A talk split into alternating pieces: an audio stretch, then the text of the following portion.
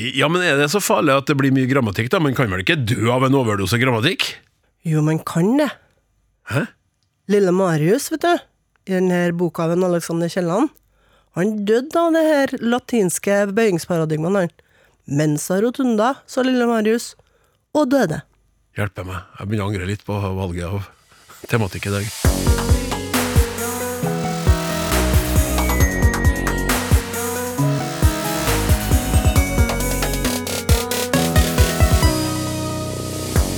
Mener du at setningene 'hun kyssa kjæresten sin' og 'hun kyssa kjæresten hennes' kan bety det samme? I så fall er du en del av et språklig fenomen i utvikling. Den gang da, hver gang når, heter det. Men gjelder det hver gang? Og hvis ikke, når da? Og tvitrer du fortsatt? Eller har du begynt å ekse? Endelig er vi tilbake for fullt med en ny sesong av Språksnakk, programmet der du, kjære lytter, stiller spørsmålene, og ekspertene svarer. Vi har riktignok vært å høre gjennom sommeren i reprise, og forrige uke serverte vi Fonetikkskolen i sin helhet. De åtte leksjonene finnes nå samla i to episoder i appen NRK Radio, og anbefales på det varmeste helt inhabilt. Men her og nå så har vi fokus på ferskvare. Våre tre språkforskere skal straks gå i gang med å bryne seg på et knippe funderinger sendt inn til snakk.krøllalf.nrk.no, eller som SMS til 1987 med kodeord 'snakk'. Hvem utgjør så dagens trekløver? Ja, alle tre hører til ved Institutt for språk og litteratur på NTNU, og alle tre stiller i studio med over middels interesse for grammatikk. Her har vi Kristin Mellum Eide, Terje Londal og Ragnhild Eik. Velkommen! Takk skal du ha. Ja. Ja, vi, vi, vi sitter, kjære lytter, i et eh, litt eh, annerledes studio i dag, så vi er litt rysta hele gjengen. Det er veldig flott og fancy. Virker som vi er et o- romskip, sa han Terje. Så vi, vi er litt sånn Ja, det er litt nytt her, men vi er jo ikke nye for hverandre. Det nærmer seg kommunestyre- og fylkestingsvalg. Vi kunne hatt flere sendinger bare om floskler og valgflesk og mer eller mindre vellykka politisk retorikk og bortforklaringer og utenomsnakk og innøvde svar, men det dropper vi. La meg heller spørre det her flotte panelet. Noen som har forhåndsstemt, eller er dere av typen pynte seg og gjør borgerplikten på valgdagen? Ragnhild? Jeg har ikke forhåndsstemt, men jeg planlegger å gjøre det. Du planlegger å gjøre det, men hvis du planlegger å gjøre det, så burde du begynne å skynde deg, bør du ikke? Jo, jeg begynner å ha litt dårlig tid. Jepp, jepp, jepp. Og du, Terje? Jeg forhåndsstemte i går. Du gjorde det, ja? Akkurat. Så her er det to stykk av tre eh, som eh, eh, foretrekker forhåndsstemming. Kristin, jeg kikker bort på deg. Ja, jeg er, som du sikkert mistenkte, jeg, jeg shiner meg og går og stemmer på valgdagen. Så. Du gjør det, ja? Ja, gjør det. Så da er det 2-2 her i studio, for det gjør også jeg. Det er, det er nesten så jeg vurderer slips innimellom, men uh, vannkjemma hår det har jeg i alle fall hver eneste gang jeg går opp på Sverresborg skole i Trondheim for å gjøre min borgerplikt. Da vet vi det. Godt å høre at vi alle sammen i hvert fall bidrar til demokratiet. La oss gå i gang med det som er viktig i dette programmet, nemlig å svare på spørsmål fra våre lyttere. Vi begynner med noe som jeg vil si for mange da er ganske sånn eh, brennaktuelt. Eh, Vi har jo en, eh, en stor, stor person i verden som heter Elon Musk. Han er borti mye rart. Han vil ut i verdensrommet. Han lager elektriske biler, og han har nettopp kjøpt opp Twitter. Og så har han eh, endra navn på det nylig. Han har X-a Twitter, rett og slett, og gjort om til X. Men kommer vi da også til å ekse verbet å tvitre? Det er det store spørsmålet. Eh, Språkrådet tror ikke vi kommer til å ekse med det første, men eh, hva tenker lytteren her? Hei, jeg vil starte med å si at jeg digger podkasten deres, men må tilføye at jeg ligger litt etter og ikke vet om dere har tatt opp dette temaet. Jeg fikk uansett lyst til å skrive til dere med en gang jeg så denne artikkelen i VG, nettopp fordi det falt meg helt naturlig med en gang å si ekse. Jeg jobber i politiet hvor vi ofte tvitret ting som skulle videreformidles, men etter at det ble til X, har det falt meg helt naturlig å bare si kan du ekse dette? Eller ekset du dette, helt uten at jeg har tenkt over det, før jeg leste denne artikkelen nå i dag. Men jeg er selvfølgelig med på uttalelsene som er nevnt i artikkelen. Er det ikke snakket om allerede, kan det jo være en idé til et innslag hos dere. Gleder meg til å catche up, komme meg à jour, eller hva nå det riktige norske ordet blir for dette, med vennlig hilsen Maria i politiet, da, altså. Ja, Ragnhild. Eh, han har da gjort en ganske sånn sjokkerende ting, han Ilon. Mange som ble veldig overraska da han eh, øksa eller eksa Twitter. rett og slett. Og nå er det store spørsmålet vil vi fortsette å tvitre også på X. Godt spørsmål. Um, lytteren skriver jo at for henne var det med en gang helt naturlig å gå over til å si X istedenfor tvitre. Så det viser jo for det første at den eh, prosessen her med å gjøre et merkevaresubstantiv til et verb er helt i tråd med de grammatiske prosessene vi har til rådighet. Men så vil jo tida vise om X som verb er noe som slår an, eller om det forblir en slags internsjargong eh, i politiet der som Maria jobber, da den her eh, prosessen der vi gjør substantiv om til verb, eller generelt endre ordklasse på noe, kalles gjerne avledning, eller i dette tilfellet konversjon, eh, og er ganske vanlig i norsk at substantiv blir verb. Konversjon, ja. ja. Så det er sånn at, at eh, altså hvis du sier har Twitter, og så har du tvitring, er det en konversjon? Nå la du til en ing, og da er det ikke lenger konversjon. Konversjon har du når du ikke legger til en sånn grammatisk endelse. Ja, akkurat. Ja. Men eh, hva tenker dere to andre i studio, bare kort om eh, altså Ville dere ha, eh, hvis dere hadde vært Elon Musk eh, Se for dere det nå, dere to, eller alle tre, ville dere ha bytta navn på noe så etablert som Twitter? Eller kanskje nettopp hvis dere hadde vært Elon Musk, så ville dere ha gjort det. Men hvis dere hadde hatt så mye penger som han og hadde kjøpt Twitter, Terje, hadde du ville ha bytta navn? Jeg tror jeg ville vært forsiktig med det, fordi at eh, merkevarenavn er ofte veldig vanskelig å endre. Altså Mange av oss kan jo finne på å si Statoil fremdeles for uh, Circle K, f.eks. Uh, så det, man må iallfall være forberedt på at det tar lang tid før det blir innarbeida hvis man gjør noe sånt. Eh, ja. Men det kan jo tenkes at det, er, at det markerer en ny generasjon, sant? Og det, så når jeg sier til svigerdatteren min at eh, de spør hvor han har skaffa det og det, så jeg, det har jeg skrevet, det. Skrevet etter. Og så sier Therese at ja, nei, det er det gamle folk sier når de, sier, når de mener at de har bestilt det på nett. Ja, ja det, og det er sånn, ja. Men snakker du om i Elon Musk sitt tilfelle om generasjon X, da? Ja, da snakker jeg om generasjon X. Ja, nettopp. Nei, for jeg spurte på Twitter sjøl, da. Eh, Jeg er jo på Twitter, og så spurte jeg, og da har jeg fått ikke veldig mange svar, men det er ingen av dem som har svart som sier X ennå. De sier at de tvitrer, og de sier også at de er på Twitter, Magna. Eller så kan de si at de er på X, men at de tvitrer på X. Ja. Ja, ikke sant. Og det, er jo, det henger jo i, som Terje var inne på, ganske lenge sånne, eh, sånne navn, og særlig når det har blitt et verb, så skal det sikkert litt til før, før endringa sprer, liksom, sprer seg generelt, da. Ja, og, og Twitter er jo så Twitter er så alene, og X er som Det kan, kan være så mye annet. Eh, Ikke sant? Eller kan misforstås mye lettere, da. Og Vi ser jo at avisene nå alltid skriver begge deler, f.eks. Eh, når de skal omtale at det har vært kunngjort eh, et eller annet, eh, så står det både Twitter og X. Så det er jo tydelig at media forventer at det tar en god stund før vi er sikre på hva den X-en skal stå for. Ja. Men det er jo et poeng der at eh, denne X-en, den har jo veldig den har jo på ingen måte like entydig referanse som Twitter, som bare kan vise til eller, Og Twitter, da, som bare viste til Twitter, mens X kan vise til så utrolig mange forskjellige ting i verden. Så den har jo eh, mye mer konkurranse eh, fra andre betydninger, potensielle betydninger også. Det er jo ikke noe unaturlig å tenke at det å exe noen, at det kan bety det samme som å ghoste, som det er i dag. At du, at du slutter å omgås noen, f.eks. Ja. Nå er du en eks-venn, altså jeg har eksa deg. Det er helt naturlig. Det kunne ha vært et helt naturlig innhold av det ordet. Ja, det er derfor at eh, Elon Musk vil slutte med blokkeringene på Twitter. vet du. Eller unnskyld X, for at han vil at du gjør dem til X-ing.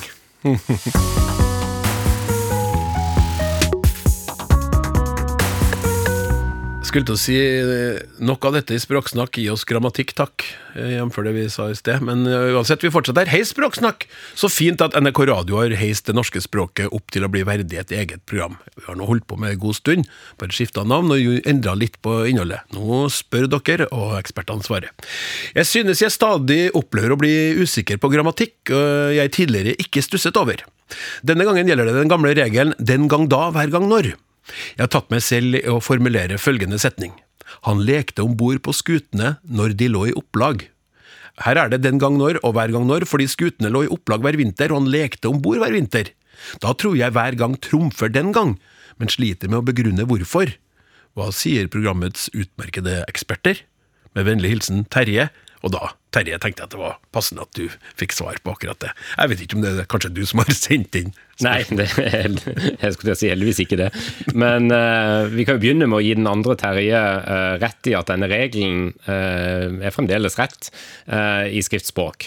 så når vi skriver, så er det den gang, da, hver gang, når som gjelder. Slik at den setningen som denne Terje har meldt inn, den skal ha da, og ikke når, hvis du skriver. Mm. Men så er det jo sånn, som vi alltid sier i dette programmet, at uh, tale og skrift er to forskjellige ting.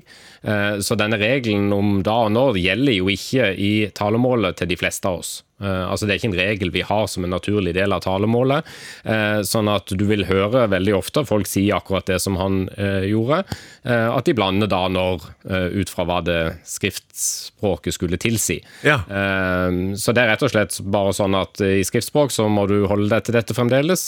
Det er ingen valgfrihet. Eh, mens når du snakker, så kan du jo snakke akkurat som du vil, og bruke det sånn som, eh, sånn som du vil. Men selv med den betydningen her, så vil jeg si i skriftspråk at det blir feil eh, å bruke når og ikke da. Ja, så da ville det vært han lekte om bord på skutene da de lå i opplag. Ja. Ja, ja det var det var greit. Enkelt og greit. Enkelt og greit, Fint, men da kjører vi på med neste. Det her er jo helt supert. Vi har jo ting på gang eh, straks som kommer til å ta og kreve litt mer av dere og litt mer tid, så det er fint det at vi åpner med litt sånn lettere runde. Eh, Kristin, det her går til deg. Hei, Språksnakk, fint program. Har lagt merke til at flere og flere bruker 'vi har nødt' eller 'vi må nødt til' når de f.eks. skal si 'vi er nødt til å reagere'. Kan det ha med å gjøre at vi ville brukt have på engelsk, we have to, med vennlig hilsen Harald Nøss. Den engelske påvirkninga opptar veldig mange av lytterne våre, og sånn, men hva har du å si til det her? Og nå må du nødt til å svare. ja. Eller jeg har nødt for, noen som vil si òg, sant? Og, ja. Så det er en del forskjellige varianter av det her. Nei, jeg la merke til det her for en del år siden, at det er til og med i skrift at du finner det. Og, og da gjerne sånn uformell skrift, men jeg fant det òg i en uh, artikkel om Descartes. Ja. Filosofen Descartes. At det så at jeg må nødt til At han måtte nødt til et eller annet. Og da syns jeg det var litt merkelig å støte på det i skrift. Men grunnen til at folk sier det, det er jo at det er jo en type sånn semantisk forsterkning i utgangspunktet. Og så kan man tenke seg at man bruker både må og nødt. Mm. Og, og, det er jo sånn at det er ikke nødt. Det er ikke sikkert at folk uh, skjønner at det i utgangspunktet er en partisipp. Sant? At det er en uh, Ja, at det uh, Så folk konstruerer betydninga etter, etter, bruken. Og Hvis man først har hørt noen som har begynt å bruke det her, mm. så det, da har du det i ørene dine, da har du det liksom i forrådet ditt, ordforrådet ditt, og så kan du begynne å bruke det. Hvis ikke noen reagerer negativt, så vil du kanskje begynne å bruke det. Så det er ja. sånn semantisk forsterkning, egentlig. Må nødt til. Mm. Og så Det som jeg òg oppdaga, at det ser ut som at det er to sånne svære tyngdepunkt. Så i grenlandsområdet, der var det mange som brukte det, men òg i, i, Trøndelag og i Midt-Norge, Møre, der er mer utbredt enn resten av landet. Å oh ja, sier du det? Og det er litt uh, merkelig hvorfor det skal være sånn, men det er um, Marie Berg hun skrev en flott masteroppgave om dette her, og forska mye på det her. Og en ting som jeg syntes var veldig interessant i det her, det er det at folk altså Hun hadde som eh, tittel på oppgaven sin at folk som sier må, må nødt til, virker så uintelligente. Ja, si det. og det er jo et av svarene som folk, at folk reagerer så veldig sterkt. De syns at det her er barnespråk, og det er uutdanna, og det her Og det er jo fordi at, sånn som Terje var inne på i stad, når det ikke er tillatt i skriftspråk, mm. så er det sånn at eh, da, da kan Altså, en ting er at vi har regler for skriftspråk. I tale så er det lov til andre ting, men når det blir veldig stor forskjell på det, mm. så kan folk reagere på at dette her er liksom ikke her er ikke tillatt. sant? Nei, jeg, jeg, reagerer på det, men jeg tenker ikke at folk er da Det må jeg understreke at jeg tenker ikke at folk er dumme, da, men jeg hører det. Jeg hører det på Nyhetsmorgen, hører det på Dagsnytt 18, hører det på sånne program som der det inviteres eksperter og politikere i studio som skal diskutere alt mulig, og da hører jeg det titt og ofte at må nødt kommer inn. Men Syns det høres barnslig ut? Ja, jeg syns at det høres litt sånn eh, Ikke barnslig, men sånn uh, veldig sånn verbalsk veldig Ja, litt Jeg, eh, jeg tror kanskje jeg kunne ha sagt det sjøl, verst av alt, men, jeg hører det, så tenker jeg at det ville ikke jeg sagt hvis jeg hadde vært i den situasjonen der akkurat nå. Men samtidig syns jeg at personen er dum. Jeg legger bare veldig godt merke til det. Fordi at det skiller seg ganske fra det skriftlige. Det er jo det sånn vi holder på hele tida. Men det er ganske vanlig med sånn type semantisk forsterkning i ulike språk. Altså F.eks. hvis at noen av dere kan fransk, så er det sånn at uh, før i verden så var det når du skulle ha nekting, i, når du skulle si ikke på fransk, så måtte du ha nø.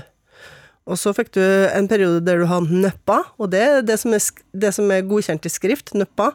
Du har en, en todelt, Ja. og så nå i dag så sier man bare pa. Ja. Det at man har eh, Så det er sånn, ikke i skrift, men i tale, dagligtale i fransk, så har man nå kutta den ene. Sant? Så man har en periode med en semantisk forstrekning der du har to ledd, og så kan den ene ramle ut. Den opprinnelige ramle ut. Ja. Så det kan godt bli sånn at vi har bare 'jeg nøtte', Ja. at den ramler ut. sant? Ja, akkurat. Ok. Ja, sånn kan det gå. Eh, Vi, og vi, vi må nødt til å gå videre. Hei, jeg heter Ingrid, og mitt favorittord er nyfiken. Det er brukt på nynorsk om nysgjerrig. Jeg syns det er en et fint ord.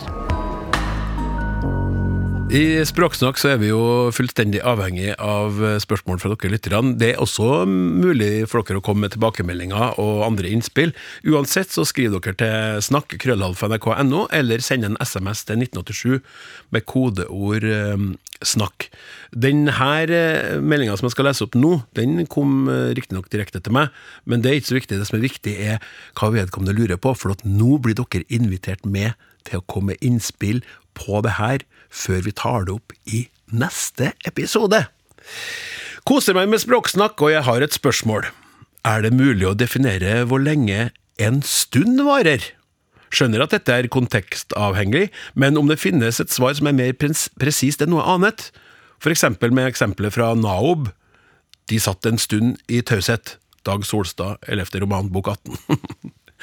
Skal kose meg eh, med programmene om de blir tatt opp etter, eller ei, skriver Markus. Og det vi spør om nå, da, kjære lytter, det er hva er ei stund for deg? Hvordan vil du definere ei stund? Jeg har jo sagt det så mange ganger, eksempel til ungene mine. Når ble det middag? Om ei stund. Ja. Eh, Men hva er den stunda? Hva går det i? Og så kan vi diskutere rundt det. Og har du noen tanker om det, så skriv da til snakk, krøllalfa.nrk.no, eller send en SMS med kodeord 'snakk' til 1987. Lykke til!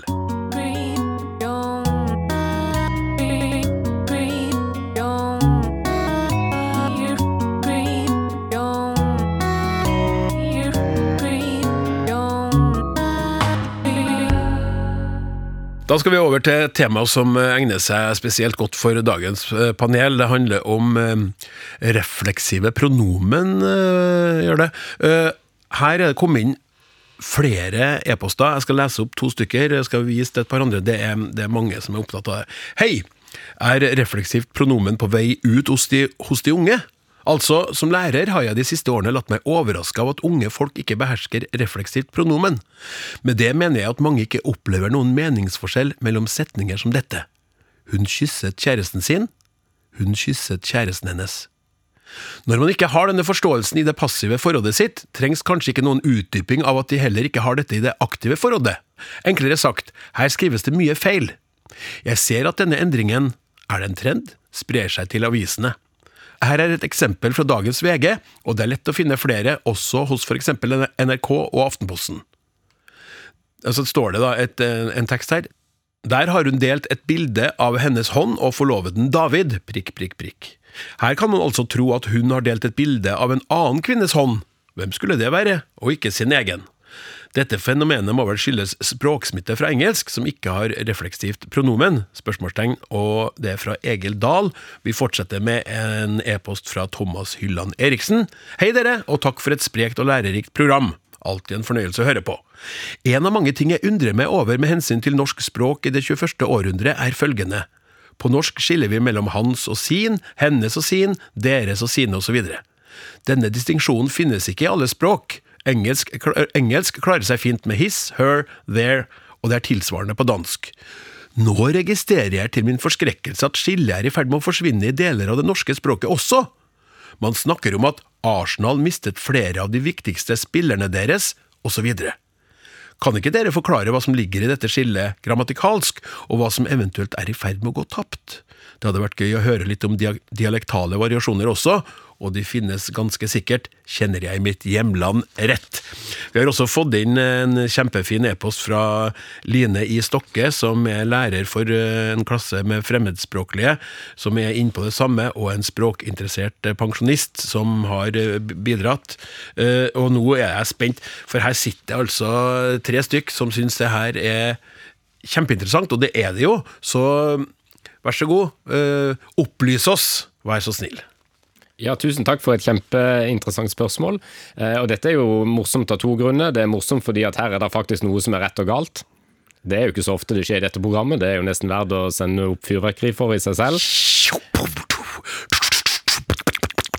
Tusen takk. Eh, og det neste er jo at eh, det er faktisk grammatikken som bestemmer hvordan skrivereglene er. Og Det er jo også spesielt i seg selv, at man må ha grammatikkunnskap for å forstå hvorfor skrivereglene er sånn som de er. Så det syns jo eh, vi som grammatikere er kjempestas, eh, og er jo ekstra begeistra når vi får lov til å snakke om det. Så vi må som vanlig skille mellom skrift og tale, så jeg tenkte å begynne å si litt om skriftbildet, og så sklir vi over i det muntlige etter hvert. Og så er det sånn at sin, si eller sitt det svarer har jo med de tre eh, grammatiske kjønnene å gjøre i, i, norsk.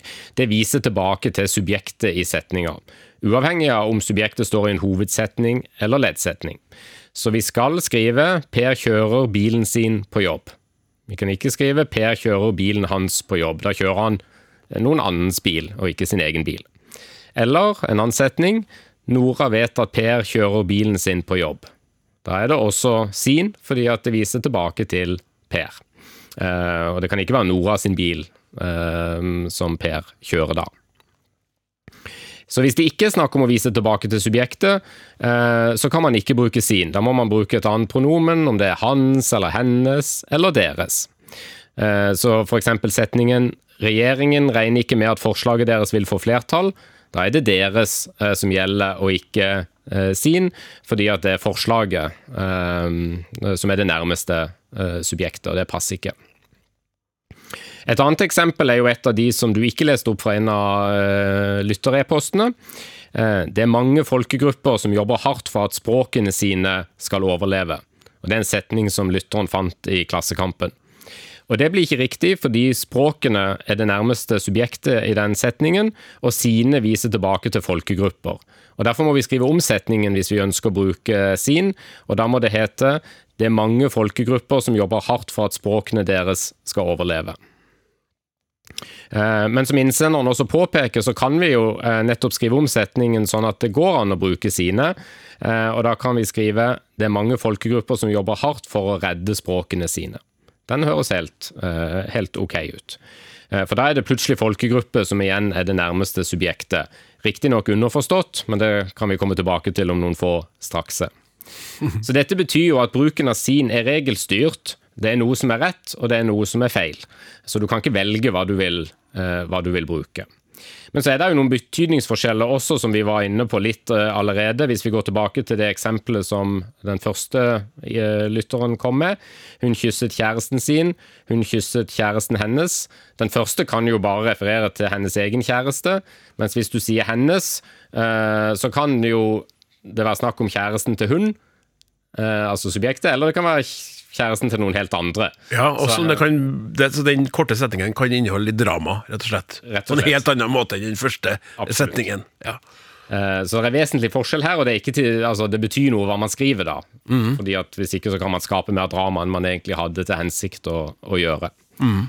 Så dette er kort sagt eh, det skriftlige bildet. Eh, men som alltid i språksnakk så er jo bildet litt mer komplisert når vi vender oss mot det muntlige språket. Og det er jo det lytterne eh, nok også er litt opptatt av. Vi ser en endring i det skriftlige språket, at denne regelen står for fall. Det er veldig mange som skriver dette feil. Det er lett å finne det i aviser, det er lett å finne det i bøker. Og da er det riktig å si at de skriver det feil. For regelen i skriftspråk er sånn som jeg har uh, forklart det. Mm. Um, men når vi snakker, så uh, er det jo ofte annerledes, og da har vi ikke regler på samme måte. Så hvis vi tar setningen 'Per vet ikke hvem faren sin er', så tror jeg veldig mange av oss syns at den uh, høres helt fin ut muntlig. Det er vanskelig å Altså, jeg kunne fint sagt den selv, Eh, så det er ikke sånn at vi grammatikere nødvendigvis uh, følger skriftspråkets regler noe mer når vi snakker. Um, for det, vi burde jo ha sagt, hvis vi skulle følge skriftspråket, eh, Per vet ikke hvem faren hans er. Men de fleste av oss, eh, eller mange av oss, gjør ikke det. Eh, og så er det sånn at, uh, som jeg var inne på, det er noen setninger som ikke har et grammatisk uttrykt subjekt. Altså subjektet er underforstått, som jeg sa i sted. Uh, og da kan en veldig godt være i tvil om hva som er riktig. Så hvis du tar følgende eksempel Mari fikk Per til å klippe seg. Hvem er det seg refererer til der? Der vil nok veldig mange i muntlig språk tenke at det kan være både Mari og Per. Ja, tenk på Per. Ja. Ja. Um, Per Pressure. ja, det òg. mens vi har også setningen 'Mari fikk Per til å klippe henne'. Uh, der vil det være Per som mye mer sannsynlig er den som, uh, som utfører klippingen. Så det er variasjon i muntlig språkbruk, og eh, mange dialekter har litt ulike egenskaper her. Ja, for det var jo også et av spørsmålene som kom inn. Er det dialektal variasjon? Og det er det. Eh, og det er, som Terje var inne på, faktisk også dialekter som bruker mer sin enn det mange kanskje oppfatter som det vanlige i skrift. Altså, eh, det en del reagerer på, at folk bruker for lite sin, men det finnes også det motsatte. Em, og det har lenge eksistert sånn her type variasjon, både geografisk og på individnivå. Uh, Ivar Aasen har for eksempel eksem eh, noen eksempel på dette. Uh, han sa at hesten sin var større, eh, er et eksempel. Eh, der det er mer sin enn kanskje det en del vil oppfatte som eh, normalt. Nødvendig. nødvendig. Han har også em, eksempel med andre refleksive former, sånn som seg. Han trodde alltid at folk snakka om seg, eh, istedenfor han trodde alltid at folk snakka om han. Der vil det sikkert variere om folk foretrekker refleksiv form eller ikke. Akkurat dette siste kaller vi gjerne langdistansebinding. Langdistansebinding er altså når eh, den refleksive forma er veldig langt unna subjektet det viser til, så det er lang distanse, da er det langdistansebinding. Så bra. Eh, men tilbake til eh, Han sa at hesten sin var større. Eh, det som gjør at den her kan virke litt markert, er at da vi har altså hesten sin inni attsetninga. Han sa at hesten sin var større. Hesten sin er inni attsetninga, men det viser til han som står på utsida av attsetninga. Og det er det som gjør det markert. Og da kan vi sammenligne også med Terjes setning. Eh, Regjeringa regner ikke med at forslaget deres vil få flertall. Her vil noen kunne si re regjeringa regner ikke med at forslaget sitt vil få flertall. Altså, de kan ha forslaget sitt inni attsetninga Ja, okay. og vise til ja. regjeringa som står utafor attsetninga. Ja. Og så kan vi sammenligne det med en setning som eh, Nå er det på tide at regjeringa legger fram forslaget sitt. Da er det helt fint med sitt, sant? for det er den eh, ba- Da er både regjeringa og eh, sitt, forslaget sitt inni attsetninga. Em, Så er det gjerne dialektene i Sør-Trøndelag, Møre og Romsdal, nord i Oppland og nord i Hedmark som blir sagt å bruke disse refleksive formene mer og i andre kontekster enn vi kan si folk flest. Eh, samtidig så er kanskje det mest slående fra den forskninga vi har på det her, at det er ganske mye individuell variasjon. Em, og at også, i tillegg til å handle om individuell variasjon, så betyr det mye hvilke andre element vi har i setninga, om verbet eh, står i infinitiv eller presens, om subjektet viser til et menneske eller noe ikke-menneskelig.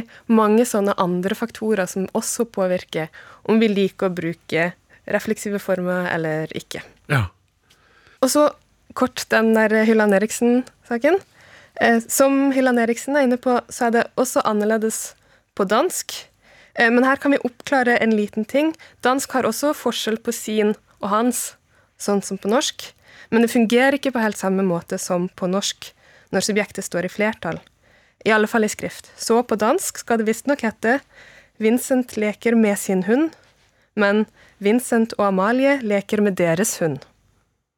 Og denne regelen er det mange som sliter med i dansk skriftspråk, og den store irritasjonen der er at mange bruker det norske mønsteret. Ok. ja. Kristin? Ja, um, Når du snakker om ting som er med på å påvirke, om man velger en eller andre, så er det jo, det er jo en ting som gjelder for ganske mange andre språk òg, som har det her med sin, men også med trøndersk. Og det er det at det, du, i de tilfellene der du i talespråket tar lov til begge deler, så gir det en effekt om du velger en eller annen. Terje var jo litt på det, men det er en litt annen effekt. Så hvis jeg har Vi fant som vanlig Marit i hagen sin, eller vi fant som vanlig Marit i hagen hennes, så skifter det litt på liksom hvem sin øyne du ser gjennom. Sånn at hvis vi fant fant Marit i hagen sin, så tenker du liksom at kjenner at det er lettere at hun Nå går hun og ser på hagen sin, sant? Vi fant henne i den situasjonen der. Men hvis vi fant Marit i hagen hennes, så kommer jeg utenfra oppsøke hagen hennes, og der var Marit. Sant? Så det, det gir litt sånn ulike eh, betydningsforskjeller i en del sammenhenger, og likeens som eh, i sammenhenger der han, vest, han, han likte ikke at de snakka om seg, for eksempel. For mange, så er det, for mange trønderske, for trønderske informanter så er det en forskjell om du sier han ante ikke at de snakka om seg. Den er ikke lov, men han likte ikke at de snakka om seg. Ja. Det- Ja, hvorfor er det det? Ja, det- Kjenner du at du har den forskjellen, du òg? Nei, nei, den ble jeg øh, øh, Nei, den øh, Ikke sånn, men jeg bare syns at det er interessant at de har den øh, At de, de oppfatter det ulikt, da. Eller ikke brukende Syns den er brukende i den ene sammenhengen. Ja. Men hvis at du likte ikke at, han, han likte ikke at de snakka om seg, så visste han om det. Sant? Han har bevissthet Ja, om det. absolutt. Men han, han visste ikke at de snakka om seg. Det kan ikke han ha en mening om, Nei. fordi at han visste ikke. det. Så da, han kan ikke se på den situasjonen med sine øyne. Men han sånn, ja. Han, de, de, han visste ikke at de snakka om den. Nettopp. La det da blitt. Du, du er nødt til å ha det.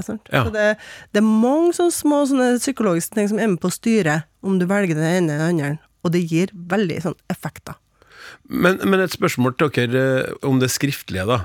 For at du, du sa at det blir Terje, du sa at det, de her feilene er her. Det er, det er feil. Men det blir jo mer og mer av dem.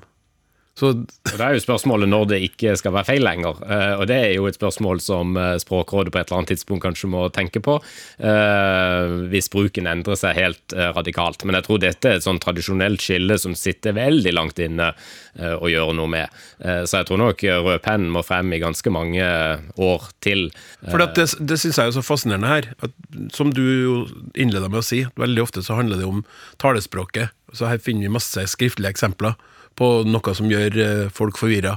For de begynner jo- å lure på er det lov, er det tillatt, skal det være sånn?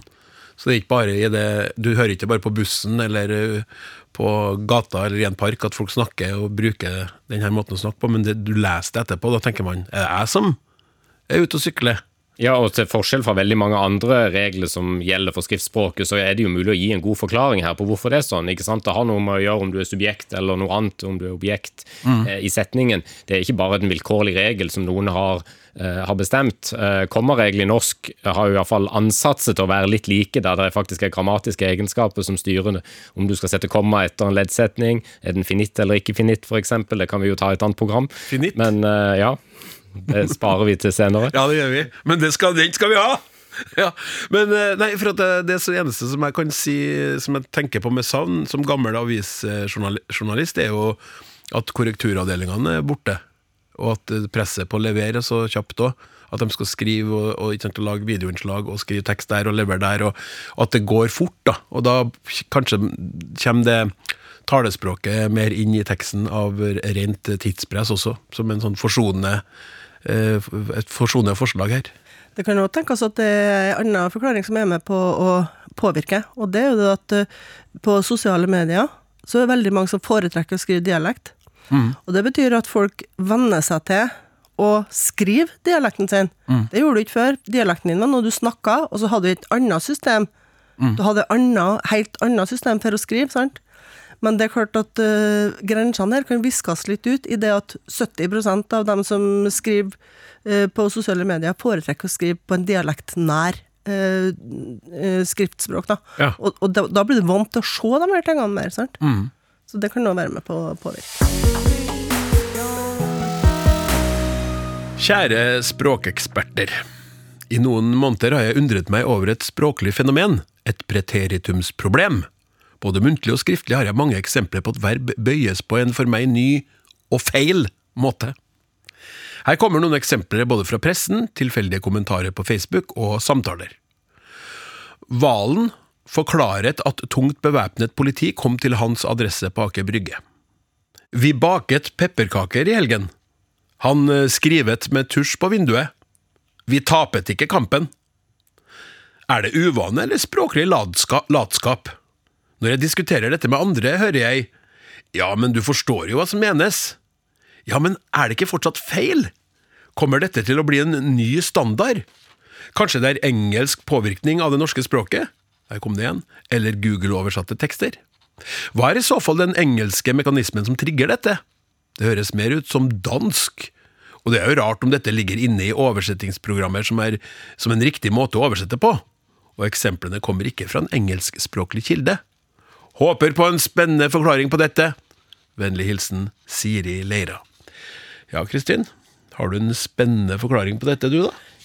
Jeg kan jo finne på ei spennende forklaring, men eneste gang som sier at det, han, det handler om påvirkning fra engelsk.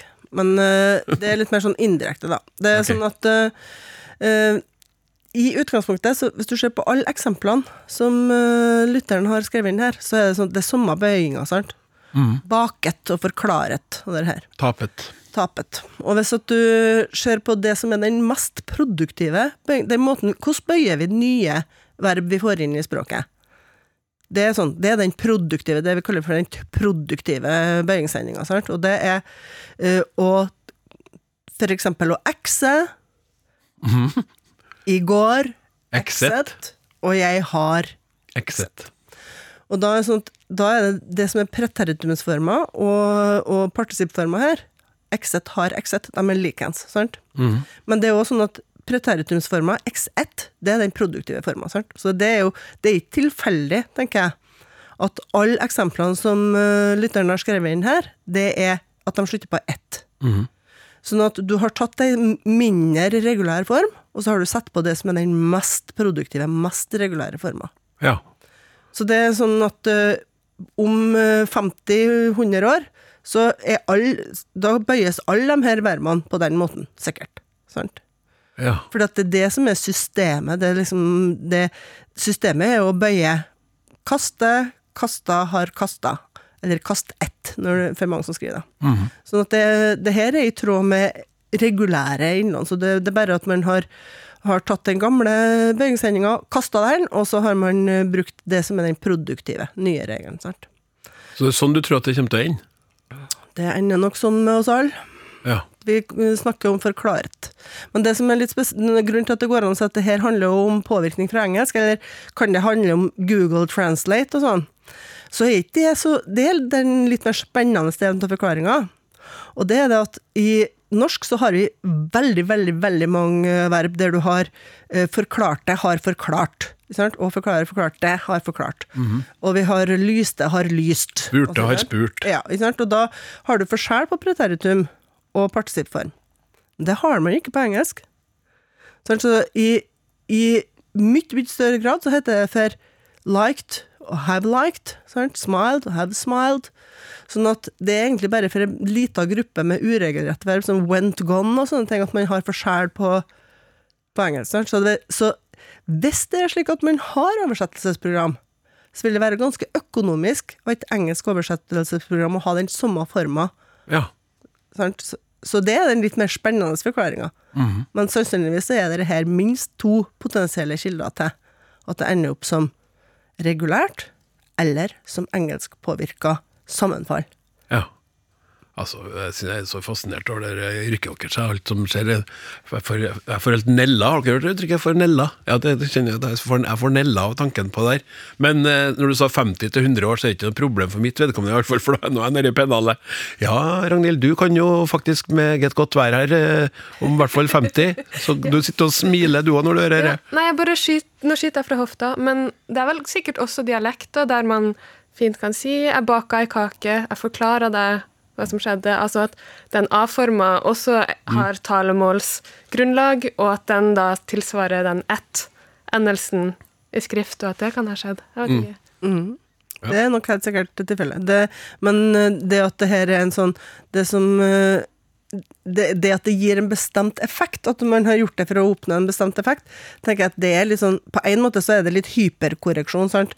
At hvis du har kasta og forklara og sånn i, i dialekten din, og så er du litt ustø på det som er faktisk det generelle skriftsystemet, da er du Da safer du ganske bra hvis du bruker ett-ending, sant. Ja. Kastet, kastet og forklaret og forklaret, tapet.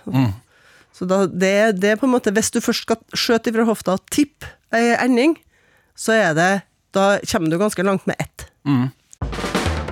Mitt navn er Mari, og mitt eh, favorittord er intellektuell kapital. Fordi det er viktig å strekke seg etter. Ja, Språkfesten fortsetter i høstens første ordinære språksnakk. Hei, synes å ha lagt merke til at verb stadig oftere får en feil plassering i setninger med at. Det vil si at det høres feil ut i mitt hode, skriver lytteren. Som i setningen under, som jeg leste i VG i dag. Igjen et skriftlig eksempel, sant ja, det er det som er så uh, herlig. Rollmoen forteller at Lavangen kommune har i forbindelse med hendelsen etablert et psykososialt kriseteam. Det stikker like mye i øynene og ørene som når folk bruker 'i forhold til' feil. Her mener jeg at har skal plasseres mellom hendelsen og etablert, det vil si Rollmoen forteller at Lavangen kommune i forbindelse med hendelsen har etablert et psykososialt kriseteam. Hvorfor er det sånn? Hva er riktig? Og er jeg bare en språksnobb? Vennlig hilsen Vilde. Helt nydelig, rett og slett. Så her er det bare å gyve løs. Ragnhild? Ja. Vilde har jo da observert at vi har to ulike mønster eh, for verbplassering i attsetninger. Eh, og det er en veldig presis og god observasjon. Vi har to ulike mønster som er i bruk. Eh, vi kan begynne med å illustrere dette med noen litt enklere setninger enn det vi fikk eh, i spørsmålet, med litt færre ord. Vi har 'Hun sa at hun ikke hadde gjort det', eller 'Hun sa at hun hadde ikke gjort det'. Og det varierer hvor vi plasserer 'hadde' og 'ikke' i forhold til hverandre. Vi kan legge merke til at en forskjell mellom de her to mønstrene, det er om det som kommer etter at, kan stå alene som en selvstendig setning. Så hvis vi har eh, 'hun sa at hun ikke hadde gjort det', så kan vi ikke si 'hun ikke hadde gjort det'. Den kan ikke stå alene, den må følge en at. Men 'hun sa at hun hadde ikke gjort det'. det da kan det som kommer etter at, stå alene. Hun hadde ikke gjort det. Hun sa at hun hadde ikke gjort det. Hun hadde ikke gjort det. Sagt på en annen måte, at-setninger kan ha både mønster som hovedsetninger, som selvstendige setninger som kan stå alene, eh, og de kan ha det typiske leddsetningsmønsteret. Sånn, sånne setningsmønster som må inngå som del av ei større setning. Mm. og det vanligste mønsteret, det er helt klart eh, det mønsteret som Vilde også foretrekker, der at-setninga følger mønsteret for leddsetninger. Altså den rekkefølgen som ikke fungerer alene. Eh, og det Vilde har reagert på, er jo det at at-setninga har fått det andre mønsteret, hovedsetningsmønsteret.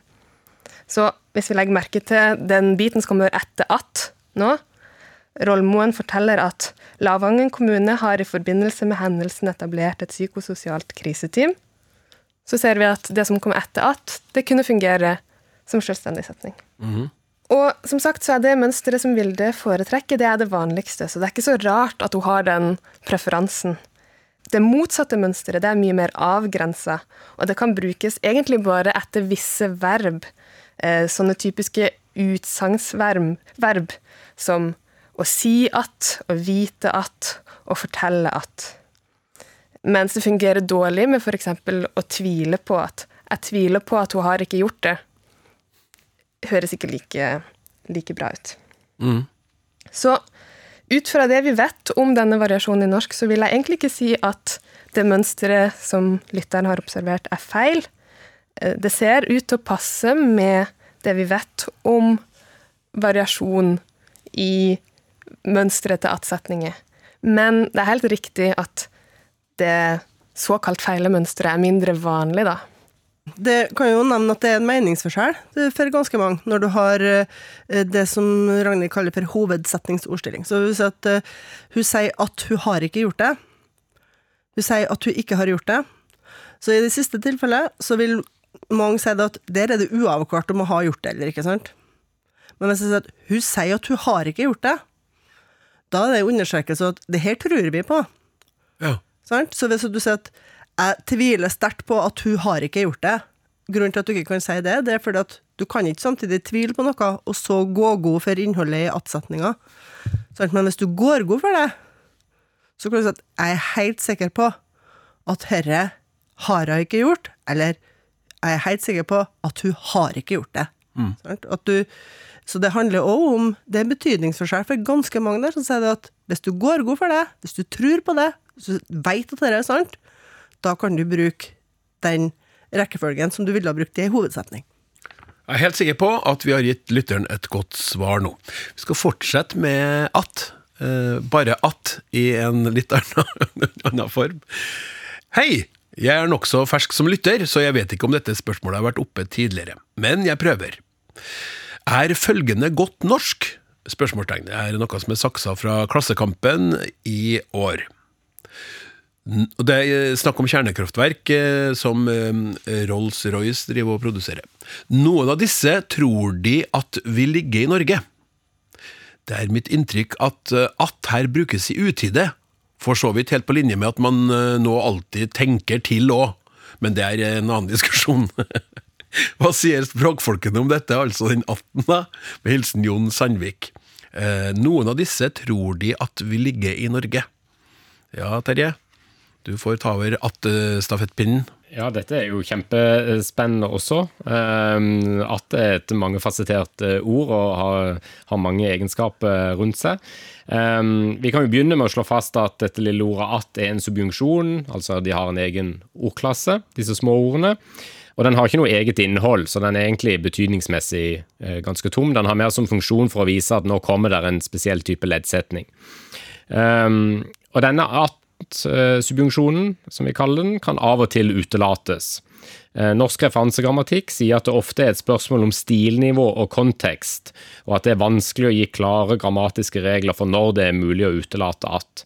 Men det finnes noen regler og det finnes noen tendenser som jeg tenkte å si litt, litt om før vi kommer til eksempelet til lytteren for å vise at dette henger sammen med en, en større helhet. Den vanligste typen med utelatt at er setninger som står eh, som objekt. Han sa at vi skulle lese fortere, eller han sa vi skulle lese fortere. Eller jeg synes at det er for kaldt her, versus jeg synes det er for kaldt her.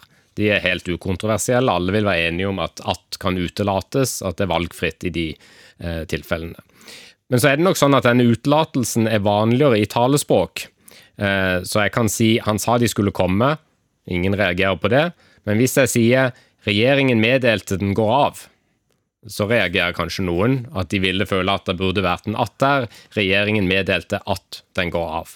Um, sånn at uh, mer talenært og fritt språk, uh, da er det lettere å, å la denne atten være ute. At må være med hvis subjektet er en hel setning, så vi må si at prisene kommer til å stige, er en kjip tanke. Vi kan ikke si prisene kommer til å stige, er en kjip tanke. uh, like lett. Da bør atten være med. Det er også vanskelig å stryke att etter en preposisjon. Hun sørget for at gjestene fikk noe å spise. Hun sørget for uh, gjestene fikk noe å spise. Høres uh, merkelig ut. Eller han er klar over at det er sant, versus han er klar over det er sant. Det slår meg nå når du sitter og lister opp det her. Det går an! Ja, Da må du ha 18. At det går an! Sant? Det, det lille, lille, lille at. Ja nettopp. Ja, ja. Og det siste om preposisjon er at det er noen tilfeller der det er helt ok å også utelate det. Jeg er sikker på du klarer det, vil mange si at det eh, er mer ok.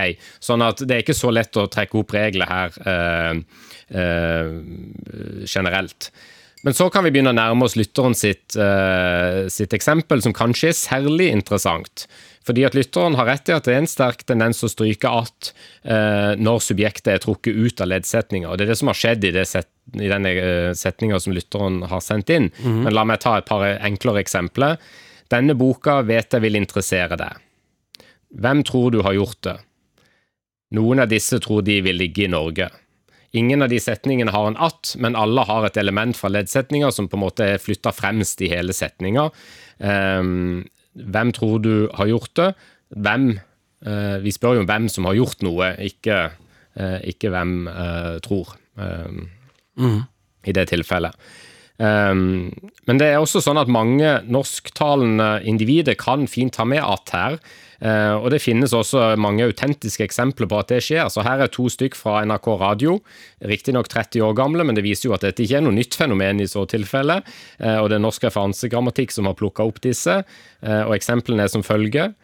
Også denne brannen har politiet mistanke om at kan være påsatt. Den 18 burde ifølge lytteren ikke være der. Eller de mest interessante forfatterne håper vi at skal bli representert i bokklubben. Der er også natt, og helt autentiske eksempler. Eh, andre språk oppfører seg forskjellig og krever at dette ordet at, altså den varianten de har av at, utelates. Eh, standard engelsk er et godt eksempel på det, at den kan ikke være med. Og Innenfor eh, teoretisk eh, grammatikkforskning så ble dette et kjempeviktig fenomen på 1970- og 1980-tallet. Da var man veldig opptatt av å analysere akkurat denne type eh, setninger, og man påsto at det å utelate at var en universell egenskap ved språk, og det fikk til og med et eget navn. Eh, Det ble kalt for attspor-effekten. Akkurat.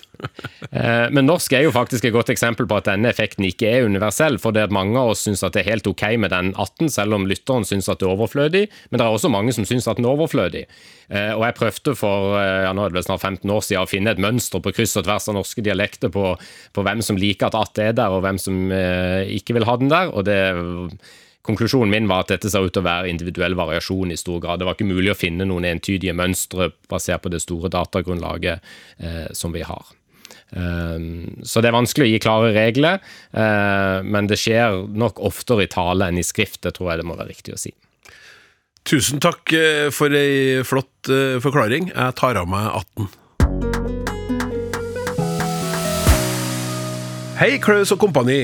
Takk for et spennende og fint program som ofte setter i gang språkhjernevinningene. Et eksempel. Hvorfor inkluderes ofte nektelser i positive spørresetninger? Vi skal ikke ta en tur på kino? Tror dette er et allnorsk fenomen som finnes over hele landet uavhengig av dialekt? Spørsmålstegn. Så trur, men lurer. Eh, Kan det være kulturelt betinget, hvor vi av høflighetsmessige grunner gjør det enklere for den inviterte å avslå invitten, uten å sette vedkommende i forlegenhet? Eller er det andre grunner til denne servile holdningen? Morten, Oslo-lytter. Ja, Kristin? Ja, hvis jeg sier ferie på kino Hørtes det litt eh, strammere og uhøfligere ut, eller? Det var veldig sånn rett på, ja. Ja. Så, sånn at hvis at vi legger til noen modalverb, og vi legger til en ikke, og kanskje enda litt fjernere fra virkeligheten, at vi har ikke kanskje muligens skulle ha forre på kino, eller ikke? Det, blir sånn, det, det handler nettopp om det som, eh, som Morten skriver om her, at det er hvor, hva slags eh, svar forutsetter du? Så hvis jeg sier ferie på kino, så forutsetter jeg at du svarer ja, sant?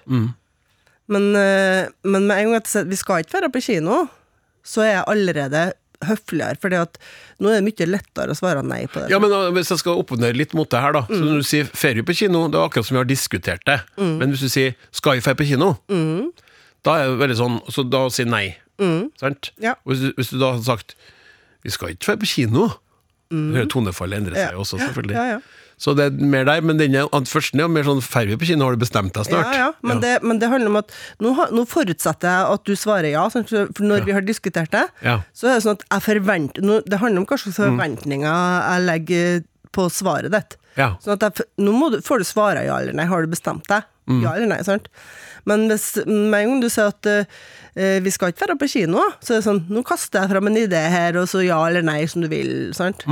Og, og da er det Dess mer du legger på av sånne her modale element, som det heter, sant? eh, og spørsmål og negasjon, ikke og modalverb, så er det sånn at dess høfligere blir det på en måte, for nå er du helt fri til å svare ja eller nei, du. Ja. Hvis jeg sier ja, vi skal ikke kanskje muligens kunne ha forre på kino, da, så blir jo det veldig, veldig lite um, Lite press på deg nå, sant? når jeg sier det. Ja, Hvis du sier det med det siste du sa, så ville jeg spurt deg er du sikker på at du vil på kino. Egentlig. Sånn som du driver og modererer. Ja, ja, nå modererer jeg så gærent at jeg har kanskje ikke så særlig lyst sjøl. Ja, det, det hørtes veldig sånn nytt, nytt forholdaktig ut når du driver og leter. Det- ikke skulle tilfeldigvis ha vært kanskje en liten tur på kino hvis du har lyst til det, eller kanskje heller skulle ikke ha vært på restaurant isteden. Kanskje prøve å lete på reaksjonen til den den du snakker til mens Ja. Men det er en annen litt interessant ting med det å inkludere negasjon eller ikke i sånne positive spørsmål. Og det er at for en del utlendinger som skal lære seg norsk, så er det litt vanskelig å vite hva man skal svare. For ja. at hvis jeg sier 'vi skal ikke være på kino', så kan du svare nei. Eller så kan du svare ikke ja. Nei. Nei, du kan ikke svare ja. Det, det, ja er rett og slett ikke et rett svar, det, sant? Nei. Så sier 'vi skal ikke være på kino', så kan du svare nei eller jo. Ja. Men du kan ikke svare ja. Og det er sånn, med en gang du har eh, ikke med et positivt spørsmål, så altså, Da er det ikke lenger et positivt spørsmål, men med en gang du har ikke med et spørsmål, så har du bare to alternativer. Du kan svare nei, og det, det betyr nei, vi skal ikke ferde. Du har rett, vi skal ikke ferde. Eller jo, som er en nekting av det du nettopp har sagt. Ikke sant? Jeg går ikke med på at vi skal ferde på kino. Sant? Nei. Nei, det er motsatt. Går ikke med på at vi ikke Jeg går ikke med på at vi ikke skal dra på kino. Dobbel nekting, det. Men eh, hva ble det? Skal vi, skal vi dra på kino, eller? Skal vi på kino? Og blir det Barbie, eller blir det Oppenheimer? Har dere sett noen av filmene der nå? Nei, ingen? Barbie, har du sett? Barbie, ja? Ja. ja da Barbie, ja. Jeg, jeg, jeg har ikke sett noen av dem ennå. Gleder meg til begge to. Veldig. Men eh, uansett, eh, Språksnakks time, grammatikke mot slutten. Tusen hjertelig takk for at dere satte pris på den. Det var det vi rakk i dagens episode. Tusen takk til våre tre eksperter, og til deg som hørte på. Jeg heter Klaus Sonstad. Godt valg! Vi snakkes.